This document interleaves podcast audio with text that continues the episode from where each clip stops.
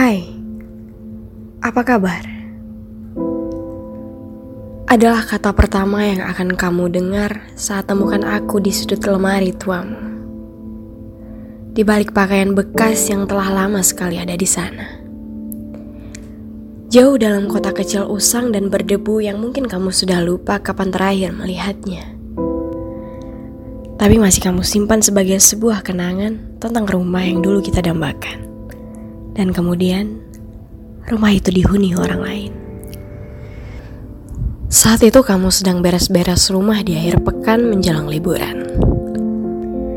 Membersihkan lemarimu dan mengutip pakaian usang yang katamu akan disumbangkan.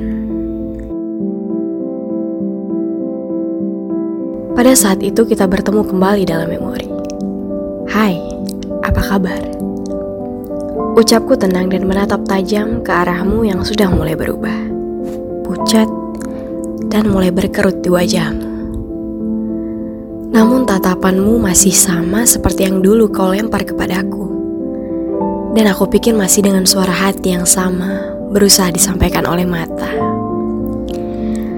Kamu tidak akan berani bersuara, berusaha sembunyi di balik memori, kenangan, dan cita-cita.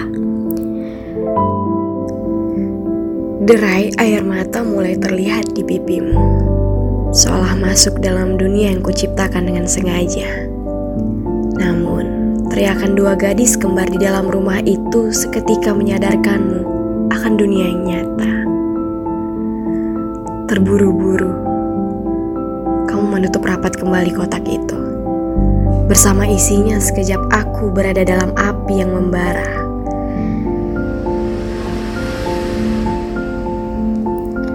Dengan sepenuh emosimu membakar aku dan semua kenangan kita. Seketika itu juga kamu akan berdoa dan berharap kita tidak akan berjumpa lagi selamanya. Tapi kamu salah. Kotak itu memang sudah hangus bersama foto dan benda kesayanganmu dulu. Tapi tidak denganku. Kini aku akan ikut liburanmu. Bersama dua gadis kembar dan seorang lelaki gagah di sandingmu. Mereka tidak akan menyadari keberadaanku tapi mereka akan heran dengan sikapmu. Ada apa? Adalah tanya yang akan sering kau dengar saat liburanmu. Tanya heran melihat kamu seolah tertekan akan beban masa lalumu. Aku akan selalu ada dan menghantui pikiranmu. Menagih yang tak kunjung kamu berikan dari dulu saat kamu memilih persimpangan jalan yang kita temui.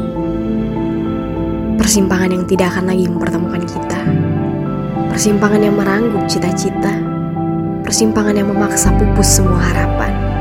Tapi itu pikirmu. Kita tetap kembali bisa bertemu walau dalam dunia rekayasaku.